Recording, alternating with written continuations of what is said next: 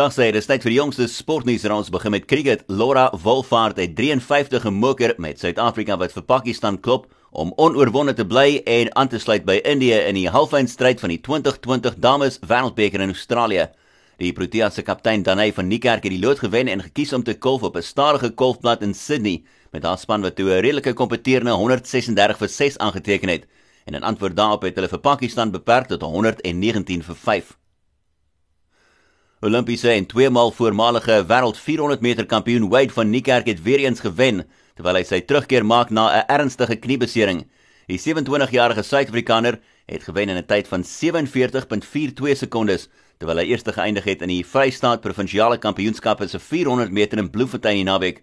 Sy wentyd was ver van sy wêreldrekord wentyd van 43.03 sekondes toe hy die goue medalje gewen het by die 2016 Rio Olimpiese spele maar sy afrigter was tevrede met sy vertoning geweest terwyl hy opbou na die Tokyo Olimpiese spele toe wat net 5 maande weg is.